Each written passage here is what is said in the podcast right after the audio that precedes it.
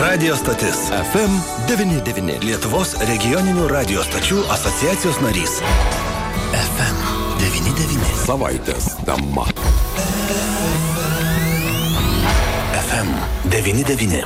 Studijoje prie mikrofono Liudas Armanauskas, dienos ir savaitės temoje šiandien, bičiuliai, pakalbėkime su Šarūnu Černiausku, tyriamosios žurnalistikos siena įkūrėjų. Šarūnai, laba diena. Sveiki. E, Malonu girdėti, prieš keletą savaičių gal kalbėjome, bet kalbėjome apie žurnalistus. Šiandien norėčiau pakalbėti apie sieną ir apie jūsų atliekamus žurnalistinius tyrimus, jo lab, jog metai baigėsi, vieni skaičiuoja nuostolius, kiti skaičiuoja pelnus, ką tyriamosios žurnalistikos centras siena skaičiuoja besibaigiančiais 2022 metais, nes tyrimų peržvelgiau visą jūsų darbų sąrašą tikrai šiais metais ir labai įdomių tyrimų buvo ne vienas. Uh, skaičiuojam rezultatus.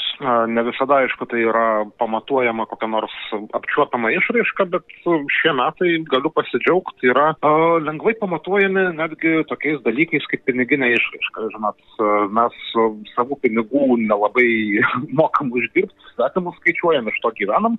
Ir iš to svetimų pinigų skaičiavimo ateina efektai. Mm. Ateina efektai, kuriuos galima pamatuoti įšaldytų turtų, priteistais pinigais, sumokėtais mokesčiais ir taip toliau ir panašiai. Ir Šarūnai, kokios tos sumos maždaug, kokios tos kalėdinės dovanėlės, kurias jūs sakote vis dėlto galima jas įvertinti ir piniginė išaiška? Na, apytikslis paskaičiavimas grinos piniginės išraiškos šiais metais tai yra apie 4 milijonai eurų. Oho. Jo. Jo, mūsų biudžetas palyginimui yra apie 100 tūkstančių ir, ir tai yra, ne, 100 tūkstančių net nesiekia, kokie 70 turbūt. Ir didžioji dalis to yra tiesiog geranoriška žmonių parama. Tai va šitie dalykai generuoja labai didelę gražą ir valstybei, ir ne tik. Ir didžiausias turbūt efektas tai buvo Kremliui artimo kapitalo išaldymas iš karto, iš karto po sankcijų įvedimo. Tiesiog ruošiamės ir labai laiku paleidom medžiagą apie tai, kad Lietuvoje veikia Kremliui artimos oligarchų Gurjevų giminės valdomos kompanijos Fosagro filialas, čia yra trašų prekeiviai ir mes publikavom tą medžiagą apie lietuviškos įmonės ryšius, apie visą Fosagro istoriją, kaip tai yra susijęs su artimiausia Putino aplinka. Publikavom tą pačią dieną, kai Fosagro vienam iš akcininkų ir tuometiniam vadovui, Andrėjui Gurjevui jaunesniajam, buvo įvestos ES sankcijos. Taigi tą pačią dieną, kai paleidom medžiagą, šitos įmonės lėšos buvo išaldytos ir tai buvo beveik 3 milijonai eurų. Mhm. Kitas efektas tai buvo, tiesa, dar neįsiteisėjęs, kaip suprantu, teismo sprendimas, nes nusimato skundimas. Čia buvo efektas trejų metų beveik įdirbę. Viena pirmų mūsų medžiagų buvo apie tokį garsų pagėgių politiką, buvusi netgi Seimo pirmininko pavaduotoją Kestą Komskį ir jo visus reikalus su įmonių bankrotais, akcijų perrašinėjimu bedarbiams, naujos įmonės įsteigimu ir našlaičių apgaudinėjimu, prastai tariant. Nes uh, paaiškėjo, kad uh, Komskio įmonė buvo nuvairuota į bankrotą, tuoj po to, kai dėl jos girto darbuotojo sukeltos avarijos žuvusio vyro šeimai buvo priteista apie 100 tūkstančių eurų. Ir teismo sprendimu nuspręsta įvertinta, kad įmonė subankrotinta tyčia, siekiant išvengti būtent šių kompensacijų mokėjimo. Ir žuvusio žmogaus šeimai buvo priteista uh, tikrai apvali suma kompensacijų, dabar tiksliai nepasakysiu, buvo priteisti dideli pinigai valstybei, uh, nesumokėtų mokesčių, uh, mokesčių inspekcijai ir sodrai pavydalu sumoja apie 170 tūkstančių eurų. Ir paskutinis labai lengvai pinigiškai išmatuojamas aspektas tai yra Viktoro Uspaskicho reikalai. Mes padarėm didelę išsame medžiagą apie pono Uspaskicho verslus Rusijoje, apie tai, kaip tie verslai mokant mažai arba nulį mokesčių buvo finansuojami per Lietuvą. Ir po to, kai mes publikavom šitą medžiagą, kontrolės veiksmų ėmėsi mokesčių inspekcija. Šarūnai, čia tu kalbėjai apie tą tyrimą, kuris vadinosi Venevidi Viktor. Tikrai taip. Taip, taip. Labai įdomus tyrimas, man rodos, jis pasirodė prieš 3-4 mėnesius, ko gero buvo ir... Jo, man atrodo, mes rūpjūtį paleidom. Taip, na, laikas bėga labai greitai, iš ties.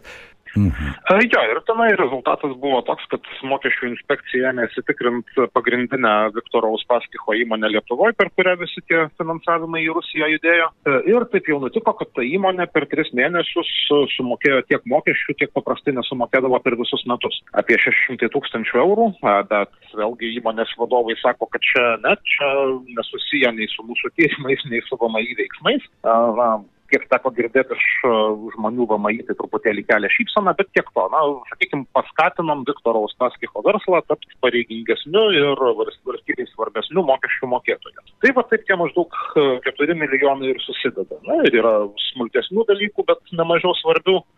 Tai yra baudos e, darbdaviams, kurie išnaudoja Ukrainos pabėgėlius, tai yra uh, visiškai šviežia medžiaga su sankcijų apeidinėjimu rusiškai ir baltarusiškai medienai. Tai vėlgi paskatinom reakcijas. Čia Šarūnai, atsiprašau, tu kalbėjai apie Pinokius, ar ne? Tuos, e, e paskutinis, man rodos, jūsų tyrimas, kuris irgi labai įdomus ir e, mano nuomonė, na, giliai kapstote. Na, iš tikrųjų, kapstom komandiškai. Mhm. Nes sienoje mes dėjure esam dviese bet de facto mūsų turbūt apie pusę tyrimų yra tarptautiniai. Tai reiškia, kad bendradarbiaujam su kolegom iš kitų valstybių, kurias liečia viena ar kita medžiaga, prie kurių dirbam. Tarkim, jeigu mes darom medžiagą susijusią su Lenkija, tai būtinai pakviečiam kolegas iš Lenkijos prisidėti. Ir lygiai taip pat, jeigu kolegos iš Lenkijos turi su Lietuva susijusią medžiagą, jie pakviečia mus. Ir taip mes turim ir geras medžiagas abiejose pusėse sienos ir didesnį šansą kažką pakeisti. Aišku. Tai yra svarbiausia. Šarūnai, štai tas bendradarbiavimas, aš puikiai suprantu, su Lenkų kolegomis galbūt galima, anksčiau buvo galima galbūt dar ir su rytinės kaiminės e, žurnalistais, e, jų praktiškai ten jau nebeliko. Ar štai tas bendradarbiavimas iš esmės prasidėjus karui Ukrainoje su Baltarusija ir, Ukra ir Rusija praktiškai nutrūko, nes ryšiai vis dėlto ir verslo ryšiai į tą pusę vis dar yra išlikę. Ne, ne. Mūsų fronte bendradarbiavimas nenutrūko, jis tik suintensyvėjo. Mhm. Ir, aišku, mes toliau dirbam su kolegom iš Baltarusijos, iš Rusijos, bet dirbam, na, kitokiam aplinkybėm, nes dauguma tų žmonių, dauguma tų žurnalistų, jie buvo priversti tapti tremtiniais. Jie turėjo pabėgti iš savo valstybių, tiesiog saugantis visokiojo paįmanomo persekiojimo ir uh, valstybės aparato smurto. Ir mes toliau bendradarbiaujam tiek su kolegomis iš Baltarusijos, tiek su kolegomis iš Rusijos. Ir, na, be to bendradarbiavimo, be jų pagalbos tikrai uh, mes daugelio dalykų nebūtumėm pasiekę pasiekę, kuriuos sugebėjom pasiekti. Mhm.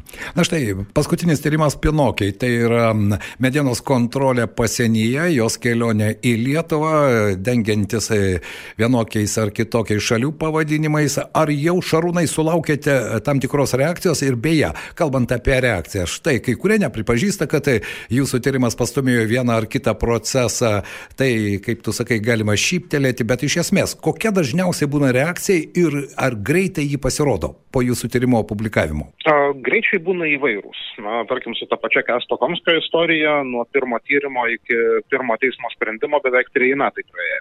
Šiuo atveju mes turim kitokią situaciją ir čia vėlgi pabrėžčiau tą tarptautinio bendradarbiavimo aspektą, nes mes tą tyrimą sinchroniškai publikavom penkių valstybių auditorijai. Mhm. Lietuva, Latvija, Lenkija, Baltarusija, uh, atsiprašau, šešių, jo, nes taip pat publikavom ir Kazakstane, ir Kirgizijoje.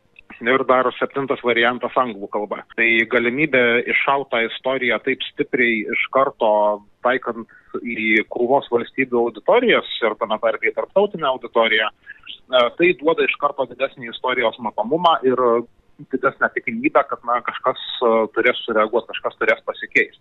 Tai štai, ar kažkas keičiasi Šarūnai, štai ir jūsų paskutinis e, tyrimas Pinokiai, ar vis dėlto sulaukite e, reakcijos ne tik iš suinteresuotų veikėjų, bet ir iš tam tikrų oficialių institucijų, tos pačios Lietuvos valstybinių institucijų? Taip, beje, čia tikrai turiu pagirti ir Lietuvos muitinę ir kitas tarnybas.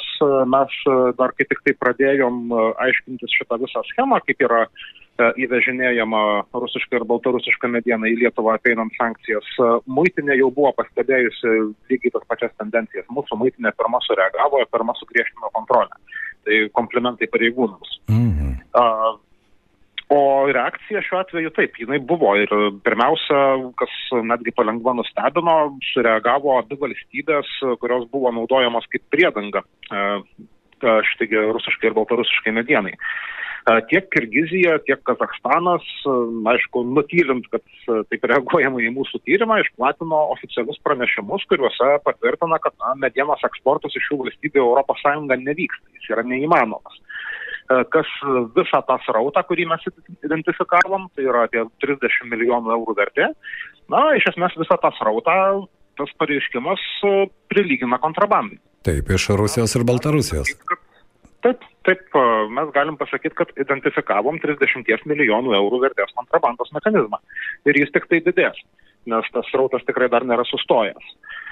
Kiti veiksmai, na, žinau, kad yra keliamas šitas klausimas europiniu lygmeniu, nes šitos pasienio valstybės, Lietuva, Latvija, Lenkija, jos jau mato problemą ir imasi veiksmų, bet reikia ir europinės reakcijos. Ta reakcija, kaip suprantu, yra inicijuojama, labai džiugu.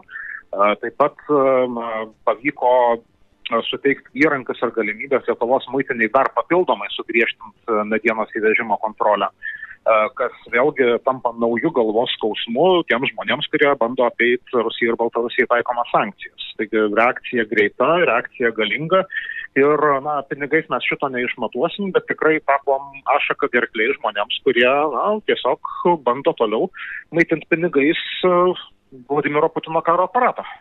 Šarūnai, tyriamosios žurnalistikos darbas, pats procesas reikalauja iš tikrųjų daug pastangų, daug gerų ryšių, kolegų pagalbos, bet vis dėlto reikalauja ir tam tikrų piniginių išteklių, visi valgome, visi gyvename. Ir štai, kalbant apie jūsų tyriamosios žurnalistikos centrą sieną, vis dėlto pagrindinės pajamos tai yra pajamos iš žmonių, kuriems rūpi tiesa ir kurie puikiai supranta tyriamosios žurnalistikos svarbą? Tikrai taip, tikrai taip. Turim jau daugiau negu 700 žmonių bendruomenę, kurie aktyviai mus remia ir palaiko. Tai pasinaudosiu tą progą ir išnaudosiu jūsų eterį padėkoti tiems nuostabiems žmonėms, nes be jų mes tiesiog na, užsilenktumėm liaudiškai tariant. Taip.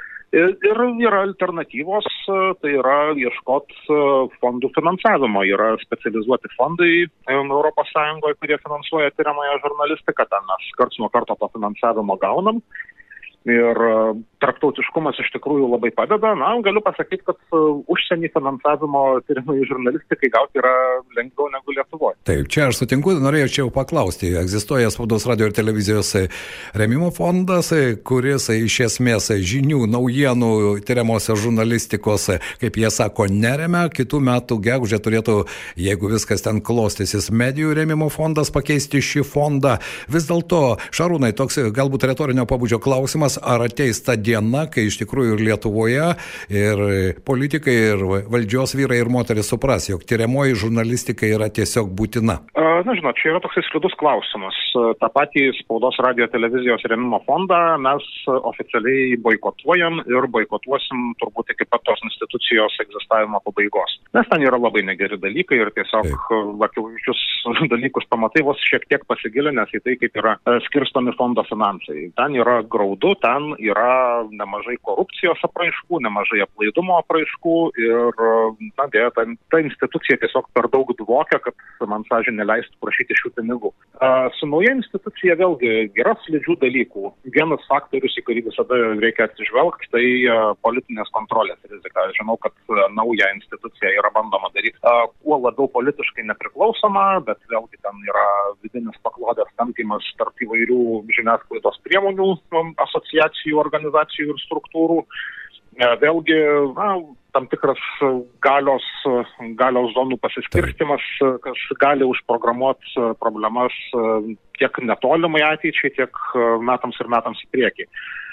Taigi, iš tikrųjų yra sunku, tarkim, ieškoti finansavimo tyrimai žurnalistikai bet kur, kas yra susijęs su valstybės aparatu, nes yra visų pirma politinio spaudimo rizika, visų antra yra ir konkurencinis faktorius, nes dėja Lietuvos žiniasklaida dar nemaža dalim yra toks vaikų darželis, kur visi visus žiūri kaip į konkurentus, o apie bendradarbiavimo galimybės net negalvoja, dėl ko na, lieka tik tai apgailestauti.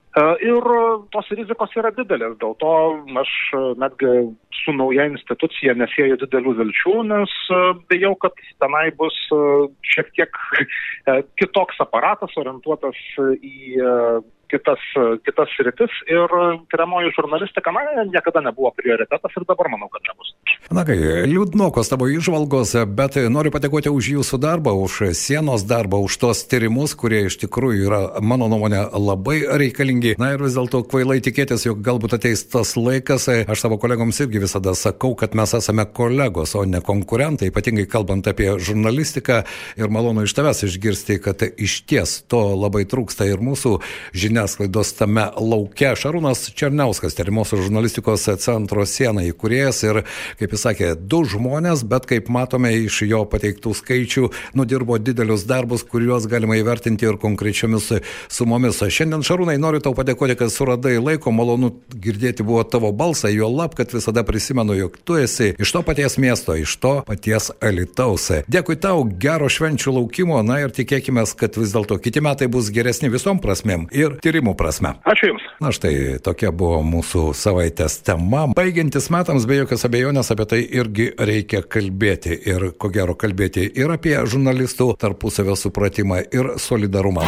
Radio stotis FM99. Šios savaitės tema.